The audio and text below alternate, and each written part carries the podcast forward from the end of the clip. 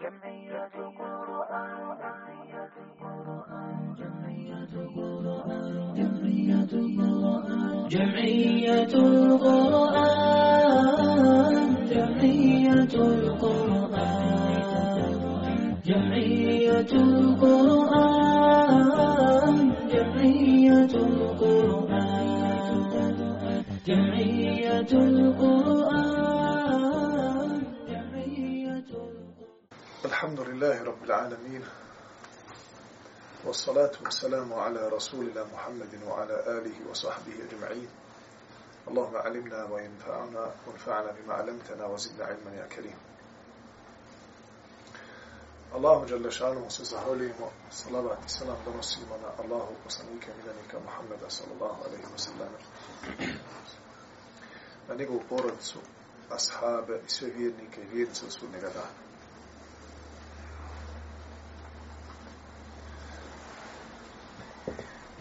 Imam Buharija e, navodi poglavlje u kome kaže ko se posavjetuje siguran je. Shodno hadisu koji prenosi Ebu Horeira radijallahu anhu da je Allahu poslanik sallallahu alaihi wasallam upitao Ebu Hejthema imaš li slugu? Nakon bitke muslimani su zarobili određenu skupinu ljudi i uzeli ih sebi za robstvo. Pa u podjeli ratnog plijena i robova Ebul Haytham je bio čovjek od ashaba Allahu poslanika, ali salatu wasalam, kome je trebalo da pripadne nešto od toga. Pa je Allahu poslanik pitao imaš li slugu? Kaže ne. Pa je Allah poslanik Ali Salta Svam rekao, dođi mi kada dovedu roblje. Nedugo nakon toga, Alehi Salamu dovedoše dva roba, a kada je došao Ebul Hejthem, poslanik Ali Salatu Salam reče, izaberi jednog. Izaberi jednoga je pokazatelj da je Allah poslanik Ali Salatu Wasalam i tekako cijenio svoje ashabe i da pored toga što je bio njihov vrhovni vođa, prije svega poslanik, njihov uzor, njihov imam, u svem, u svim pogledima života, života alaih salatu wasalam, je bio njihov uzor, njihov predvodnik. Međutim, tomu, to nije Allah poslanik alaih salatu wasalam iskorištavao kako bi ashabe isključio iz bilo kakvog načina razmišljanja izbora. Nego je alaih salatu wasalam uvijek, kad god bi se moglo da izabere nešto, kad god bi se moglo uvijek nešto da izabere, puštao bi ashabima da izaberu. Što direktno pokazuje njegova, alaih salatu wasalam, uvažavanje ashaba. Iako je mogao, znači, Ebul Haytham ne kupuje. Ebul Haytham u osnovi dobija na poklon jednog od robova. Da mu kaže Allah poslanik, alaih sallatu salam, uzmi ovoga, šta ti imaš da biraš, da pogotovo što, što ti ja dajem i, i to je dobrovoljno i tako dalje. Međutim, Allah poslanik sallallahu alaihi wasallam odgaja uzore koji će ostati uzori ostalim muslimanima do sudnjega dana, koji će imati svoj ja, koji će znati nakon Allahu poslanika ostati da nose svjetlo Islama. Dalje, jer nakon smrti Allahu poslanika, ali sato wasallam, pogotovo u doba Omer radijallahu anhu, po, po, po, počeli su, znači, e, futuhat islamije, e, mnoge, mnoge zemlje, čak i van arapskog polotoka su počele da primaju islam i ši, islam se širi i prenosi se sa generacije na generaciju ponosno i sinovi islama se e, odgajaju u duhu kako je Allahu poslanik alaihi salatu wasalam ostavio svoje ashabe. Pa Allahom, e, taj Ebul Haytham, kada Allahu poslanik njemu daje izbor, Ebul Haytham uzvraća na edeb edebom, pa mu kaže izaberiti Allahu poslaniče. I to je, braćo moja, ta e, e poniznost koja čovjeka ne čini e, poniznim pred ljudima, da se on ponižava u onom žargonu našem, da je, poni, da je, da je ponižen. Ne. Nego poniznost u edebu i ono što smo mi mogli da vidimo svojim očima i da slušamo svojim ušima kako islamski učenjaci kada se susretnu, koliko su, koliko su jedan prema drugome ponizni i koliko jedan drugoga uvažavaju i ne žele ni jednom riječu da pokažu jedan drugome da je on nešto važniji od njega, da je učeniji i da je na većem, na većem položaju.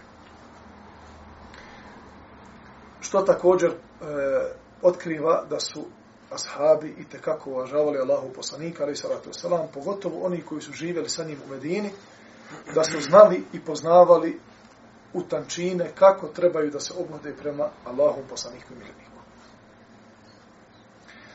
Pa nakon toga Allahu poslanik alaih salatu wasalam mu kaže onaj ko se posavjetuje siguran je. Braćo moj. Edeb otvara vrata znanja. Edeb otvara vrata hajra. Lijepo ponašanje prema onome koji treba da te poduči otvara vrata da mu se još više približiš, pa da tebi otvori i da ti kaže što ne bi kazao onome koji je osoran i koji je grubo ponašanje. Samim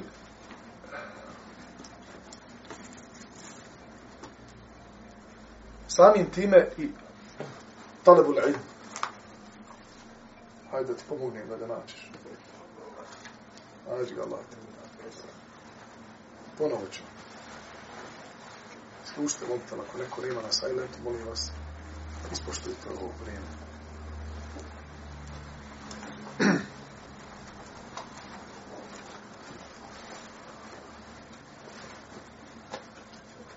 Ja sam vama jednom u tom kontekstu navodio najpoznatiji primjer kod, kod kojeg je ovaj umet izgubio veliki hajr u jednu ruku izgubio veliki hajr, u drugu ruku je došao veliki hajr. Kada Allah poslanik sallallahu alaihi wasallam koji zna u kojoj noći je Lejletul Kadr, odlazi ashabima nakon saznanja i objave u kojoj noći je Lejletul Kadr, da ih saopšti, da im saopšti. Jer nije alaihi salatu wasallam htio da od svojih ashaba sakrije bilo kakav hajr pomoću kojeg bi se mogli da bolje približe svome gospodaru. Pa je naišao na dvojicu muslimana koji se raspravljali pa je prišao da ih pomiri i to je bio sebe zaborava Allahov poslanika koji noći se radi. Pa je onda rekao, alaih salatu salam, tražite u zadnjih deset neparnih noći Ramazana. Taj dio je hajr za umet. Jer onda umet Islama se neće i muslimani se neće osloniti na jednu noć i samo u njoj baditi, ostale ostaviti i spavati.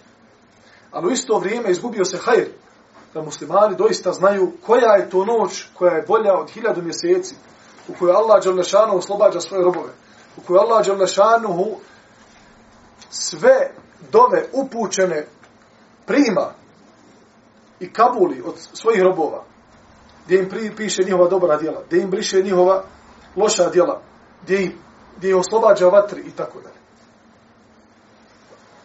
Što znači da Edeb, Allah poslanik ga ovim savjetuje, to jest daje mu jednu definiciju Nakon što on rekao Allahom poslaniku, ti mi zaberi, on mu kaže jednu definiciju, ako budeš ovako nastavio, bit ćeš uvijek siguran. To jest, nikada nećeš se pokajati ako nešto hoćeš da odlučiš u životu i posavjetuješ se sa onima od kojih se savjet može uzeti, nećeš se pokajati i uvijek ćeš biti siguran, jer na taj način ćeš svesti minimalne posljedice onoga što želiš da poduzmeš, zato što će više ljudi sa više aspekata neutralno pogledati na tvoju situaciju i, inša Allah, ta'ala, reći ti ono što je najbolje za tebe i tvoju, tvoju vjeru. Zatim Allah, poslanih sallallahu alaihi wasallame odlučuje da mu dadne roba koji klanja. Pa kaže, alaihi salatu wasalam, uzmi ovoga, jer njega sam vidio kako klanja. I prema njemu budi dobar fino se prema njemu obhodi. Uzmi ovoga koji klanja. Jer je namaz, braćo moja, stup Islama, stup, veze sa Allahom Đerlešanuhu, ona je, namaz je prva i posljedna veza sa gospodarom svijeta. Napuštanjem namaza napušta se sve sa čim je Islam došao. Jer nakon napuštanja namaza ne može čovjek očekivati da može postići bilo kakav hajr za ovaj i budući svijet. Allahu poslanik sallallahu alejhi ve selleme odlazi sa ovoga svijeta i posljednje njegove riječi koje će ostati kao vasijet umetu Islama do sudnjega dana bile su as-salatu as-salatu fi waqtiha. Namaz namaz u njeno vrijeme. Wama meleket aymanukum i ono što posjedujete u svojim kućama to je svoje porodice svoje supruge i svoju djecu pazite dobro. Međutim, veza između tebe i tvojeg gospodara je, je namaz.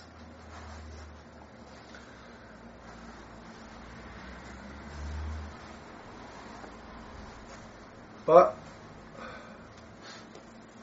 kada je čula supruga eh, od Ebul Hejsema, alihi salatu wasalam, riječi, rekla je svojem mužu, ti ne možeš ostvariti ono što je vjerovjesnik alaihi salatu wasalam, rekao, to jeste kada je naredio da prema njemu se lijepo obhodi. Zašto? Zato što taj rob klanja da ga pazi, da jede iz njegove posude. Kako on, što on jede, da i on jede. Da oblači što on oblači. Da ga ne tjera da radi ono što ne može da, da podnese. Da se kod njega nelagodno osjeća i da živi bolje nego što danas žive mnogi slobodni slobodni ljudi u nekim sistemima koji navodno ljudima su dali slobodu, ali su i tekako pritisli njihovu slobodu i drže ih kao, kao svoje robove. Pa Ebul Heitham, koji saslušava svoju suprugu, koja ga savjetuje, nije imao roba. Nije imao, znači, slugu.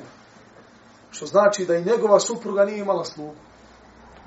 Znači, ona je morala zajedno sa Ebul Heithamom da radi sve kućne poslove i da, znate kako je u to vrijeme bilo donijeti na faku, nije bilo supermarketa, nije bilo lahke dostave, nije bilo restorana, nego sve ono što bi se donijelo u kuću da se pojede i popije, to se moglo, moralo svojom rukom zaraditi.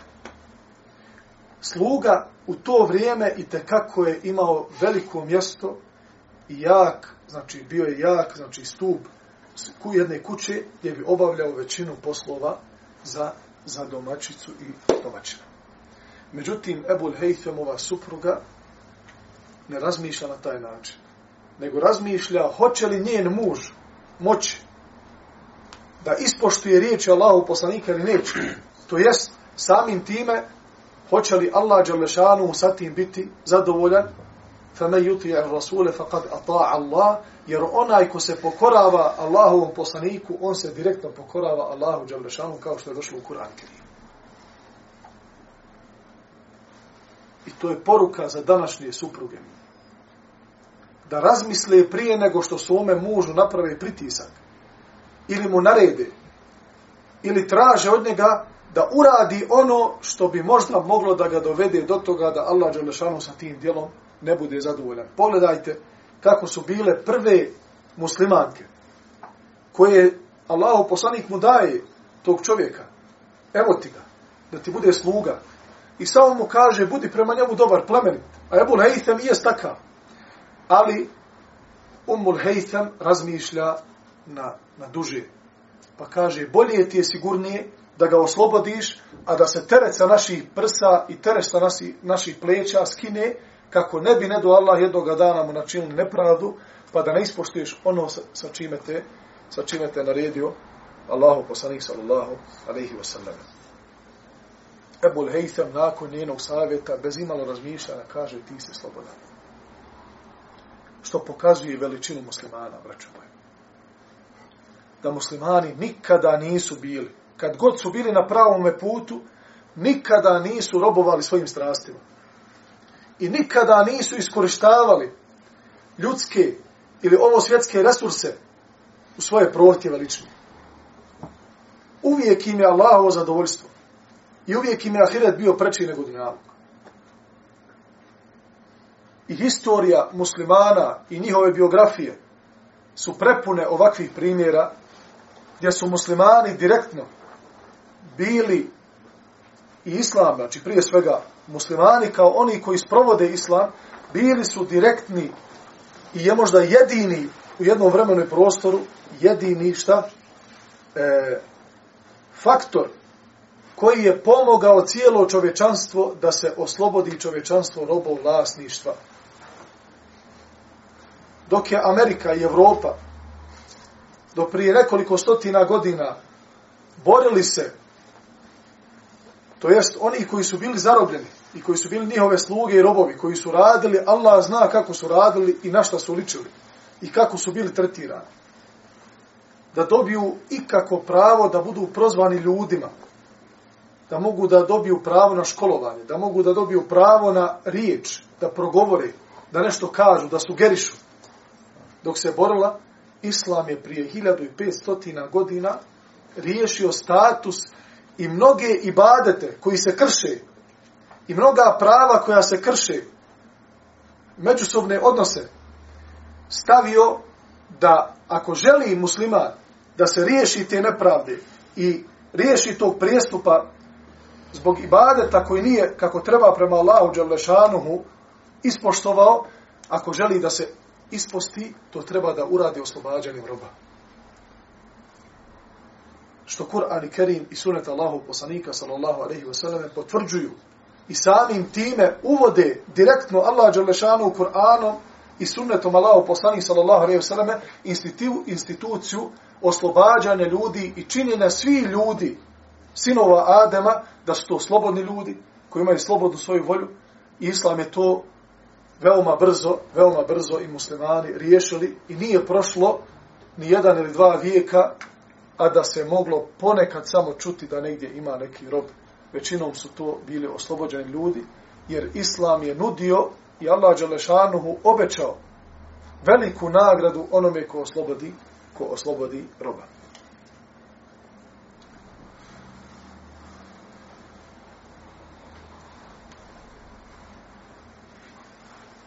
Zatim je Ebul Hejtham rekao, Allah nije poslao ni jednog vjerovjesnika, niti halifu, a da mu nije dao dvije družbe. Družba koja mu naređuje dobro, a odvraća ga od zla, i družba koja ga nastoji upropastiti. Ko bude sačuma loše družbe, spašen je, to jest rekao Allahu poslanik sallallahu alaihi wa. Znači, Allah Đalešanuhu svakom poslaniku je dao one koji ga pomažu hajru i nijedan poslanik ne bi uspio u svojoj poslanici da je proširi, da je upotpuni, da nije, bio, da nije bilo ensarija svakog poslanika koji su stajali uz njega. Međutim, u isto vrijeme svaki poslanik je imao pored sebe ljude koji su ga odvraćali od pravoga puta.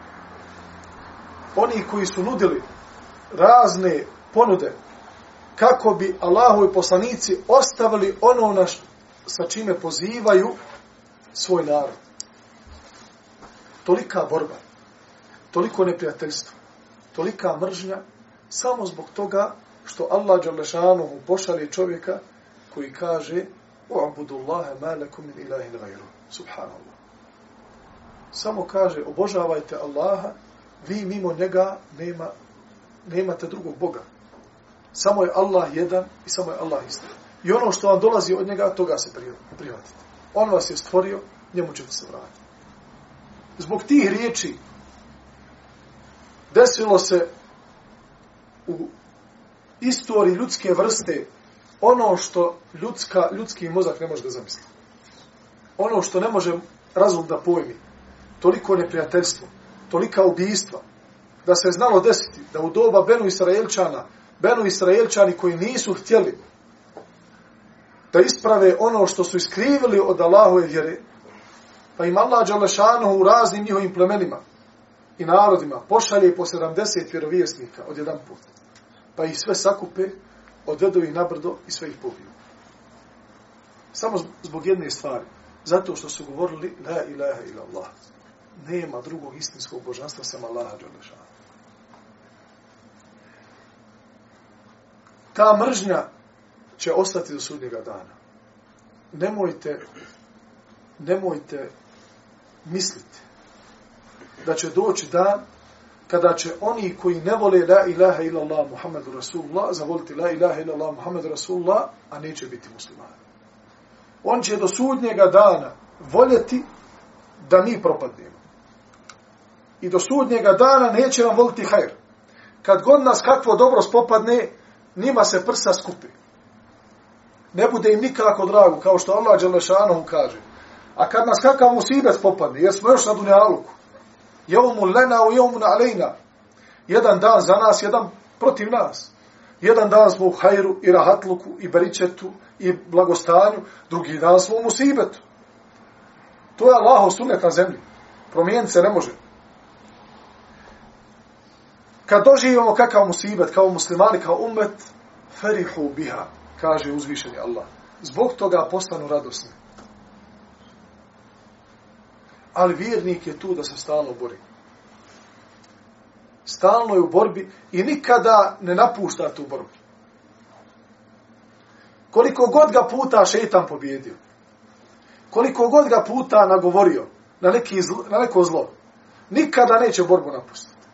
I to je osobina vjernika.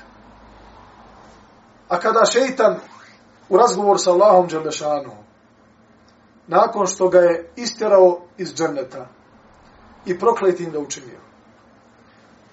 Pa kada mu šeitan Iblis govori, ostavi me, ostavi me da zavodim ljudsku vrstu, jer nakon što si gospodar odlučio da ljudski rod uzdigneš iznad mene, ja ću ti pokazati da ih ja mogu sve zavesti. I onda kaže, illa ibadaka minhumul muhlesin osim tvojih robova koje si ti za sebe probrao. Kažu mu Fesiri, to su vjerovjesnici. Samo vjerovjesnike šita ne može zavesti. A ostali muslimani, mimo, mimo vjerovjesnika, koji su iskreni, to su muhlisin. Na L je kesra.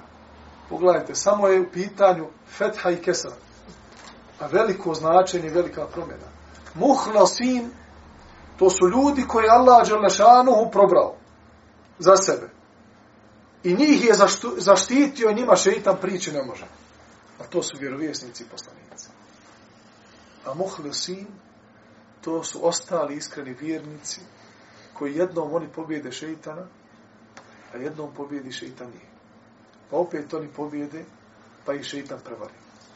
I onda, kao što kažu islamski učenjaci, inša Allah, ta'ala, nadati se zbog te njihove borbe i ustrajnosti na tome putu, da će završiti sa ovoga svijeta, okončati u onome danu kada oni pobjede šeitan.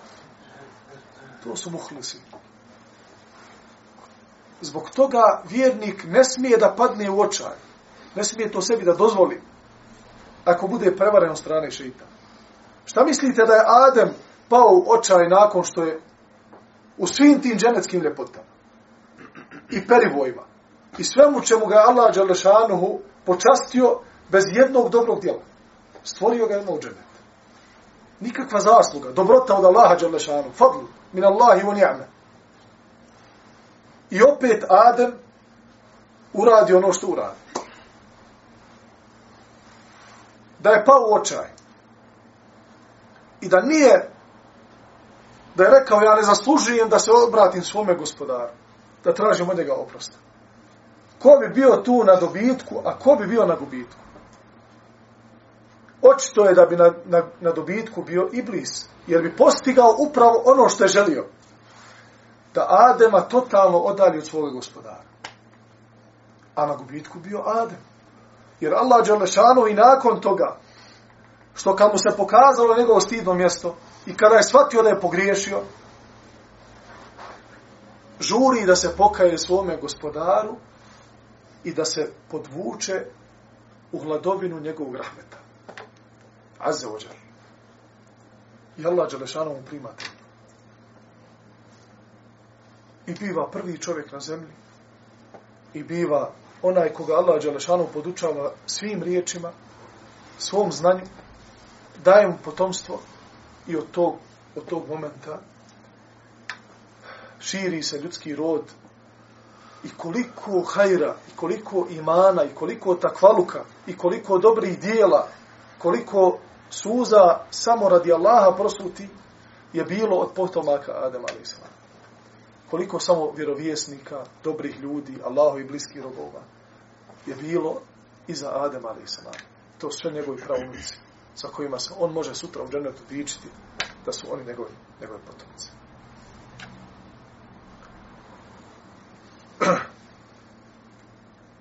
savjetovanje. Od Amra ibn Dinara kaže Qara ibn Abbas radijallahu anhuma wa šavirhum fi ba'di l'amr. Od njega se prenosi od Amra ibn Dinara da je rekao Ibn Abbas kada bi došao do kuranskog ajeta wa šavirhum fil amr. I ti posavjet, ti se sa njima posavjetuj u odlukama proučio bi ovaj kuranski ajet وَشَاوِرْهُمْ فِي بَعْضِ الْأَمْرِ Po rivajetu od Ibn Abasa koji je čuo od Allahog poslanika sallallahu alaihi selleme i ti se posavjetuj sa njima u nekim stvarima. U nekim stvarima. Od Hasana se prenosi da je rekao tako mi Allaha nijedna grupa nije se međusobno posavjetovala a da nije upućena na najbolje rješenje, potom je proučio kuranski ajet u amruhum šura bejnehum i oni se međusobno savjetuju. Savjet je institucija koja nikada nije bila zapostavljena među muslimanima, a da se ono što se zove greškom nije povećalo među njima i ono što se zove pravi izbor da se to nije umanjilo. Nikada musliman u svom, u svom životu nije se posavjetovao sa svojom braćom, koja su iskusnija, starija od njega, mudrija, znaju prošlo neke stvari u životu, više od njega, a da nije Allah Đelešanu dao beričeta u tome. Jer Allah subhanahu wa ta'ala je spustio određena pravila na ovaj svijet. I na osnovu tih pravila je spustio kuranske ajete kao naredbe i zabrane. Jer mi ljudi nismo sposobni da sami od sebe možemo tokom svog kratkog života da razlučimo svako dobro od svakoga zla. Nismo sposobni. Pa je Allah Đelešanuhu putem tih pravila koje je spustio na dunjaluk stavio naredbe, ostavio naredbe i ostavio zabrane ko se bude držao tih naredbi i ko se bude držao tih savjeta koje Allah Đalešanu daje putem imperativa, ponekad putem e, manjeg imperativa, to jeste da nije griješan onaj, onaj ko, ko ne učini to, međutim, na pravom putu je i na pravoj stazi onaj ko se bude toga držao, a također to je došlo i u sunnetu, kogod se bude toga držao, uklapa se u ona pravila koja čovjeka čine sretnim. Jer mi nismo samo od žive materije. Mi nismo samo materijalna bića koja ne imaju osjećaja, kojima nije bitno kako se osjećamo unutra, kojima nije bitno kako radi njihovo duhovno srce. Mi nismo roboti, pa da možemo da se da napravimo on i off. Pa ti sada, ne znam, radiš ono što će te učiniti nesretnim pa onda želiš sljedeću minutu da postane sretan, pa samo prebaciš klik. To se nikada desiti ne može. Pa je Allah Đorlešanu i svoje dobrote i mudrosti spustio ta pravila. Pa ako čovjek se posavjetuje, onda je manja vjerovatnoća da će se onda povesti za onim pravilima koja će ga učiniti nesretnim.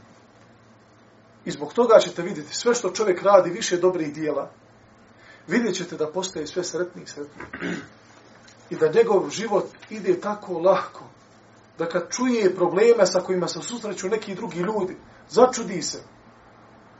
Jer se to njemu ni izbliza ne može da desi. On to ne osjeća nikako u atmosferi. A žive pod istim nebeskim krovom. Možda u istoj mahali, Ponekada u istoj kući. Pa i među supružnicima imate. U jednom krevetu za noći.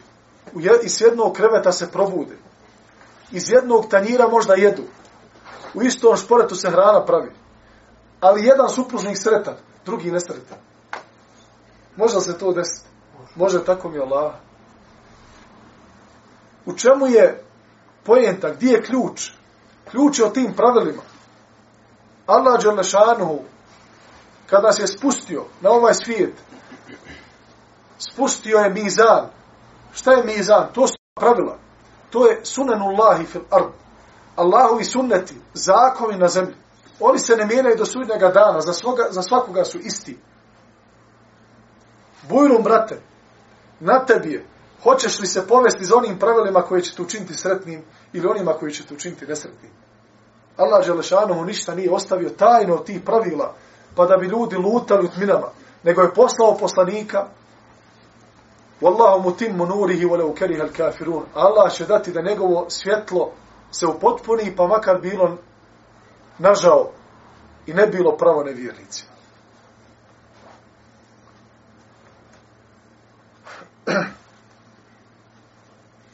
Zatim dolazi jedno poglavlje koje nam pokazuje koliko je opasno dati čovjeku savjet koji ne dolikuje, koji je neispravan.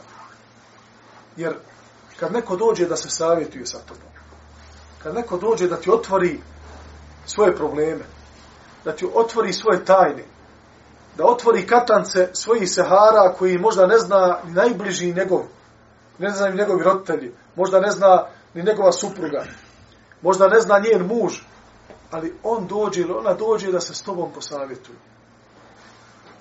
Budi iskren u svome savjetu ili šuti. Ako ne znaš na savjetovat, nije sramota reći ne znam. Nije sramota reći, pa ja smatram ili mislim da ta i ta osoba bolje zna od mene. Pa ti si onda, alhamdulillah, već dovoljno učinio. Jer si uputio tu osobu koja je potrebna savjeta onome ko zna. Nemoj se privatati onih stvari za koje nisi fa. Sutra i u dunjalučkim stvarima doće ti neko da mu nešto popraviš da mu napraviš auto. Doće ti neko da mu uradiš nešto od hajrata, da mu pomogneš. Ti ćeš se privat tog posla, a nisi fa za to. Možda iz tvoje dobrote i tvoje ljubav prema tom čovjeku. I onda ćeš napraviti veći belaj nego što je to, nego što, što ćeš napraviti korist. Nego, brate, u put, ako ne znaš u put, nije sramota. O fauka kulli di ilmin alim, kao što Allah Đelšanu kaže, uvijek nad znalcem ima znani uvijek nad znalcem ima znani. Pa ako ima znani, uputi, uputi znani. Od Ebu Horeire se prenosi, radi Allahu anhu, da je poslanik sallallahu alaihi wasallam rekao, ko na mene slaže, ko na mene slaže, neka pripremi sebi mjesto u vatri. Ko svoga brata muslimana krivo posavjetuje, iznevjerio ga je. Ko izda fetvu bez znanja, učinio je, učinio je grije u prvim momentima kada se javljaju lažni hadisi na Allahu poslanika sallallahu alejhi ve sellem. Ti ljudi koji su otkriveni od strane muhaddisa, ljudi koji, koji, koji se bavili, koji se bavili e, ilm al-hadith, znanjem o hadisu Allahu poslanika i terminologiji hadisa i džarhu ta'adil i tako dalje, upozorili su te ljude sa ovim hadisom. Men taqawwala alejje, ma lam akul, fel je tabawa maqa'adahu minan nar. Pa su ovi ljudi rekli, dobro, ovdje Allah poslanik kaže, ko slaže na mene, alejje, to je protiv mene, da kaže nešto, što nije u moju korist. A mi kaže, mi ne lažemo protiv Allahu poslanika, mi lažemo u njegovu korist. I zato mi imate ljude, braćo moja, koji se na kraju života pokajali. Kaže, ubacio sam među muslimane 300 lažnih hadisa. Jedan je Haridžija rekao, kaže, nisam jedan od vođa Haridžija u, u drugom stoljeću islama. Na kraju se je pokajao, na kraju života. Kaže, najmanje hiljadu hadisa sam slagao na Allahom poslanika dok sam bio Haridžija. Da bi podržao mišljenje na kojima je on bio. Međutim, Allah Đelešanu mu je ovom umetu, mi smo to malo, malo načeli bili u preprošlom predavanju, ili prošlom. Allah Đelešanu je dao ovom umetu stražare. Ti stražari nisu upamćeni ni u prijašnjim narodima, ni u, ni u kasnijim. Kao što su oni bili. Koji su to, toliko pomno pratili govor Allahu poslanika, ali i salatu wasalam, da nisu dozvolili da prođe jedan lažni hadis Allahu poslanika, a da ga oni nisu ufatili. Virus nije mogao proći pored.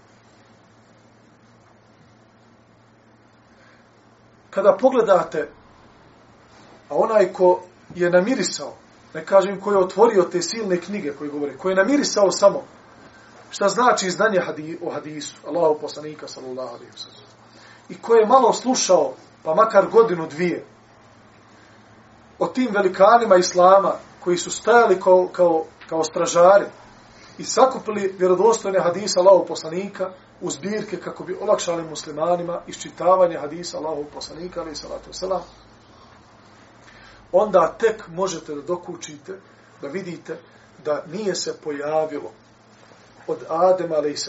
i neće se pojaviti do sudnjega dana sinovi ummeta koji će tako čvrsto držati i prosijavati hadisa Allahov poslanika kao što su to oni bili. I niti jedni sljedbenici dru, drugih poslanika nisu imali stražare koji su budno bodr, b, e, bdjeli nad riječi nekog od svojih poslanika kao što su ovi ljudi bdjeli nad hadisima Allahov poslanika. Bolje su poznavali ravije, gdje su rođeni, kako su odrastali, kako su se hranili, koju su školu završili, kod koga su učili, u koje sve krajeve islamskog svijeta su išli za hadisom, da li su bili pravedni, pa, prema, pa čak i prema svojoj stoci koju su imali svojim imanjima. Da li su varali svoju stoku kada su i vabili, ili su njihove pregršti bile pune kada zovne Kamilu da dođe brskomu da ode iz sladovine, pa vabi Kamilu da dođe da je zaveže, da li je njegova onaj pregršt bila puna ili njegov, njegov onaj njegova košulja ili je to bilo prazno. Pa kaže, kada bi bilo prazno, a on vabi devu, Kamilu, sa praznom košljom, misleći ona da će naći nešto hrane, pa mu dođe, ne bi od takvoga uzimali hadis. Pa makar se svi ostali šartovi, uvjeti hadisa ispunili kod tog čovjeka. Da je znan, da je pouzdan, da je vjernik, da se ne zna da se ne zna da je ikada javne grijehe činio, da ima zdravu pamet, to jeste da ne miješa hadise, kada ga počne ovaj da ispit, ispituje, da tačno zna koji je hadis od koga čuo i da je to sve povezano lancem, kaže, ne bi uzimali takvog čovjeka, smatrali bi takvog čovjeka nepovjerni.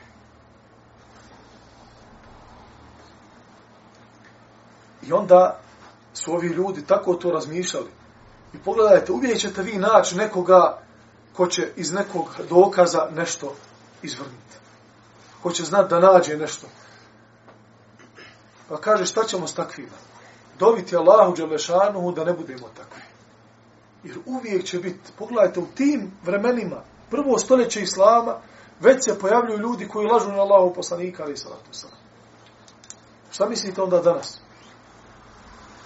I onda kaže, mi, mi lažemo za njega, Pa vidit ćete tamo da često hadisi koji govore da ko prouči jednom meku suru, imaće nagradu 300.000 puta, 70.000 meleka ga dočekuje, bit će mu prostor to ono, bit će ono. Kažu, islamski učenjaci imaju razne metode kako prepoznati lažni hadis. Ali između ostalog, jedna od tih metoda je, kaže, ako za malo dijelo se, kaže, očekuje velika nagrada.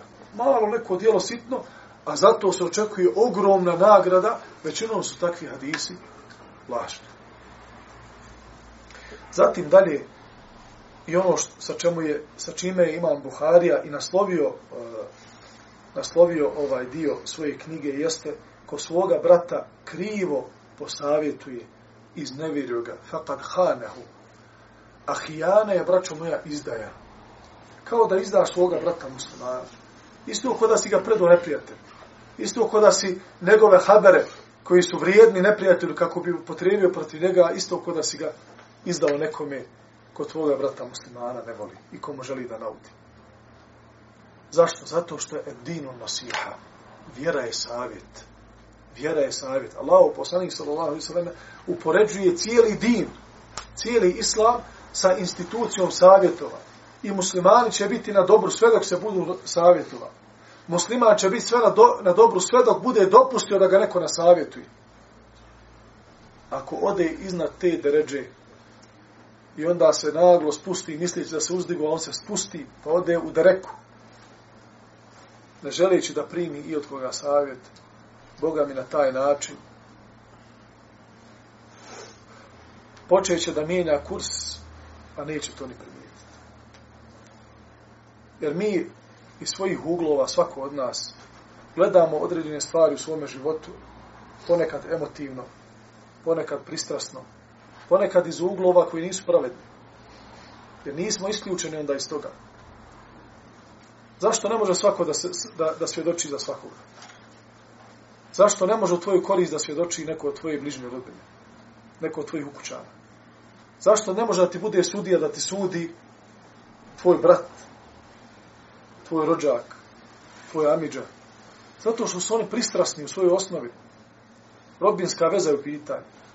Mora da bude neko neutralno. Tako i često u našim životima ponekada mislimo da je dobro po nas nešto što radimo. Zato što smo emotivno vezani za tu stvar. Ali će doći neko neutralan sa strane, tvoj brat koji te voli ime Allaha Đalešanu. I posavjetovati te bez tih emocija. Pa ga pomno poslušaj. Možda će ti biti od koristi. Zatim, nakon savjetovanja, imam Buharija, braćo moja, kao što je u svome sahihu, i to je prepoznatljivo, islamski učenjaci su na to i tekako obratili pažnju, jer imam Buharija u odnosu na druge muhadise, razlikovao se u tome, braćo moja, što je on bio muhadis i fekih. Što je bio muhadis i pravnik. Nije samo prenosio hadise Allaho poslanika i sabirao, nego ih je dobro razumijevao njegovu, njihovu terminologiju i tekako je rahimahullahu ta'ala znao da izvuče islamske propise iz tih hadisa. Pa je za svaki hadis znao da, napi, da napiše poglavlje koje bi aludirao na, aludirao na fikske propise koji se nalaze unutar tog hadisa. I sam njegov raspored, rahimahullahu ta'ala sahiha, kako počinje i kako se završava, i kako ide raspored tih poglavlja, sve je to vezano jedno sa drugim. I sve je u skladu i sve ima svoj smisao. Pa onda, rahimahullahu ta'ala, nakon poglavlja o savjetovanju, stavlja poglavlje o međusobnoj ljubavi. Zašto? Zato što neće se muslimani međusobno savjetovati. Neće međusobno biti iskreni jedan prema drugom u odnosu a da Allah Želešanu neće dati ljubav među njima. Pa kaže, od Ebu Horeira radijallahu anhu se prenosi da je sallallahu alaihi wa sallam rekao وَالَّذِي نَفْسِي بِيَدِهِ لَا تَدْخُلُ الْجَنَّةَ حَتَّى تَحَابُ Tako mi onoga u čoj ruci moja duša nećete ući u džennete sve dok se ne budete međusobno voljeli.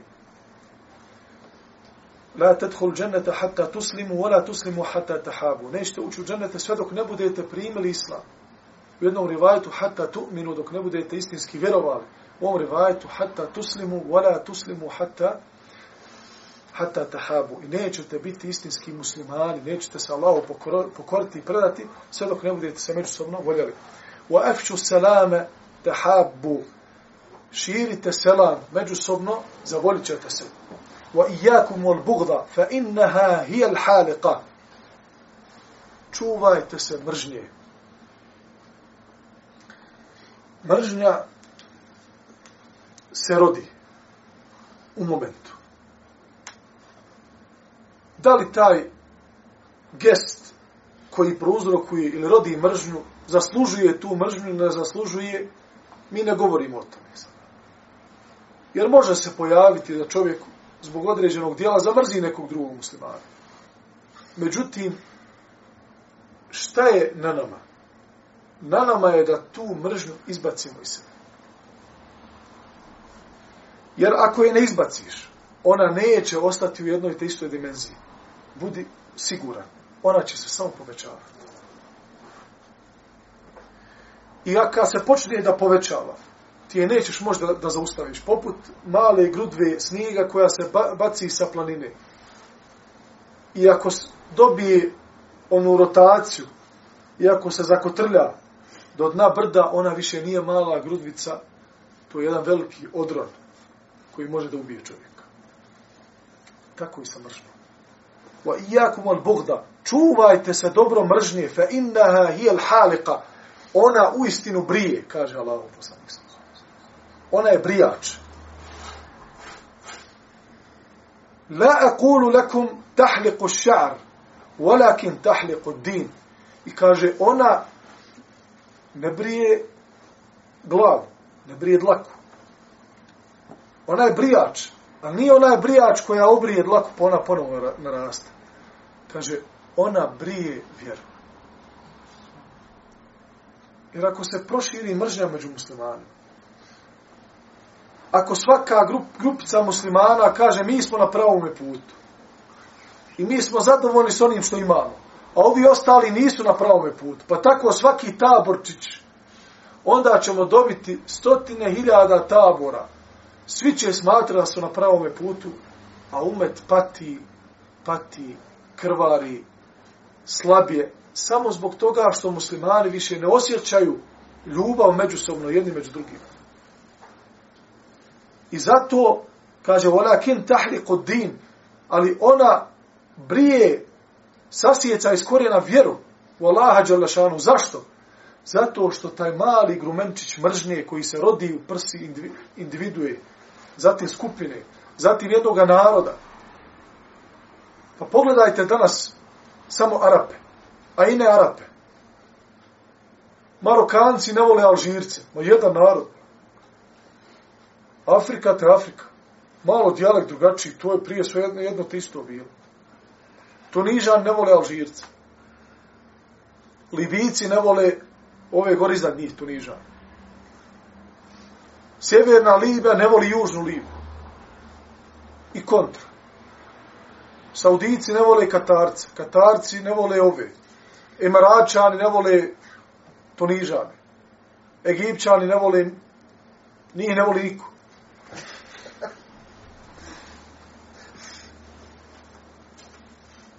Jedna sve krv. Jedan narod. Jedan umet. Jedan jezik. Jedan jezik. Braćo moja. Imate, imate preko 50 država. To nema nigde na svijetu. Priča jednim jezikom. Molim? I ne razumije se. Vjeruje, razumiju se on dobro, vjeruje jednu knjigu. Svi se okreću prema jednoj kući. Prema bitu Allahu. Svi govore lebejk, Allahuma lebejk.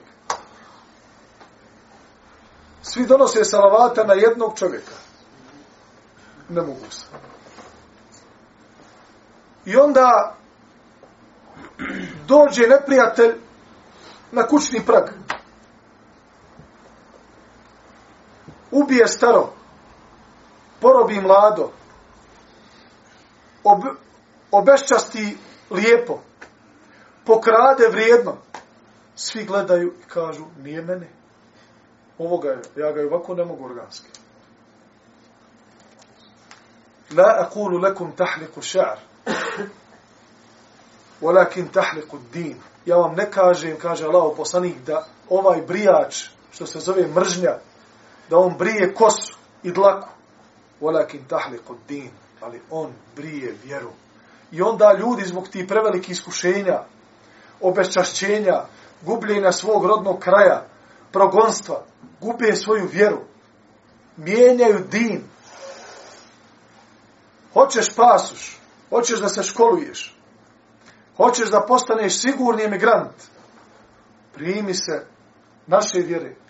Isus će ti pomoći. Kada su muslimani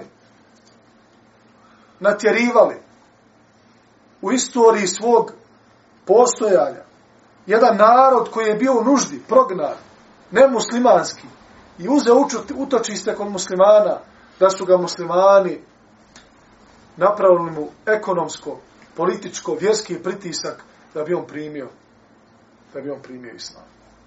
Nasuprot, mi dana, dan danas čuvamo 500 godina menšuru, sigurnosti židovima koji su zajedno sa muslimanima putem brodova i Španije došli u Bosnu i Hercegovinu.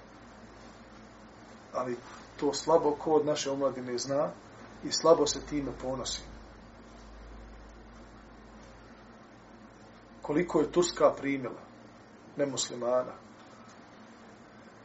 koliko je Osmansko carstvo prigrlio nemuslimana o zlostavljanja, koliko su tada, tadašnji kršćani Konstantinopusu vapili za muslimanskim osvajačima koji će doći i današnji Istanbul staviti pod svoju vlast. Zbog nepravde koja se dešavala u to doba nad njima. Od iste vjere od njihovih predstavnika.